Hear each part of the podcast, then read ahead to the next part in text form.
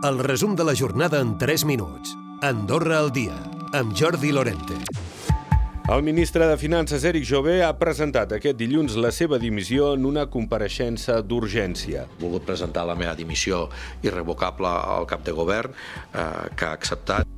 Xavier Espot ha afirmat que amb aquesta dimissió evitava que els projectes en curs quedin mediatitzats per una errada humana. La decisió eh, que ell ha adoptat avui doncs, el que està fent doncs, és eh, evitar precisament que tots aquests projectes que estan per damunt de tots i cadascun de nosaltres, la reforma fiscal, el projecte de pressupost per l'any que ve, tantes altres iniciatives eh, legislatives i, evidentment, doncs, el projecte polític que defensarem en la propera contesa electoral doncs, eh, no quedin mediatitzats per una errada que també ho vull dir aquí, no? és una errada humana, eh, no ha comès cap infracció penal.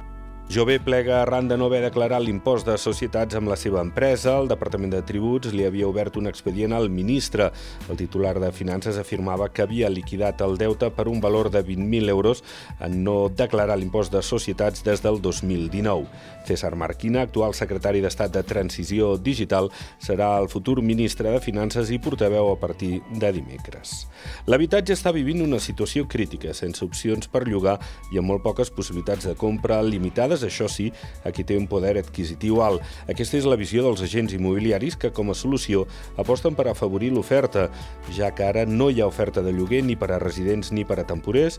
N'ha parlat el president del Col·legi d'Agents i Gestors Immobiliaris, Gerard Caselles. El sector del lloguer està totalment aturat, no hi ha, no hi ha habitatge per ningú, ni pels residents habituals ni, ni pels temporers. Realment ha sigut molta gent la que ha passat per, per aquí pel despatx. No, no els hem pogut no els hem pogut ofertar ni contentar la seva demanda. No he tingut cap pis per poder, per poder llogar en temporers, cap ni un.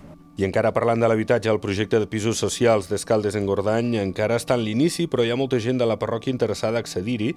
Des del Comú es nota com creix la preocupació per la dificultat de poder tenir un habitatge a preu assequible. N'ha parlat la cònsul major escaldenca, Rosa Gili. L'habitatge, evidentment, està molt preocupat. No? La gent estan, estan molt angoixats amb això, ens ho diuen, eh? ens demanen hora. Jo he rebut moltíssima gent que ja voldria poder disposar d'aquests pisos, que encara, encara no s'ha començat ni l'excavació situació no? i que et sap tantíssim greu de, de, de no poder trobar-los una solució. I el Tribunal de Corts investigarà Karim Montaner per revelació de secrets, concretament del salari públic de Ferran Costa, quan era president del grup parlamentari liberal. Costa també va denunciar-la per difamació i injúries, un delicte del qual Corts no la considera responsable. La consellera general recorrerà la decisió que de moment li retira la immunitat parlamentària. Recupera el resum de la jornada cada dia a Andorra Difusió.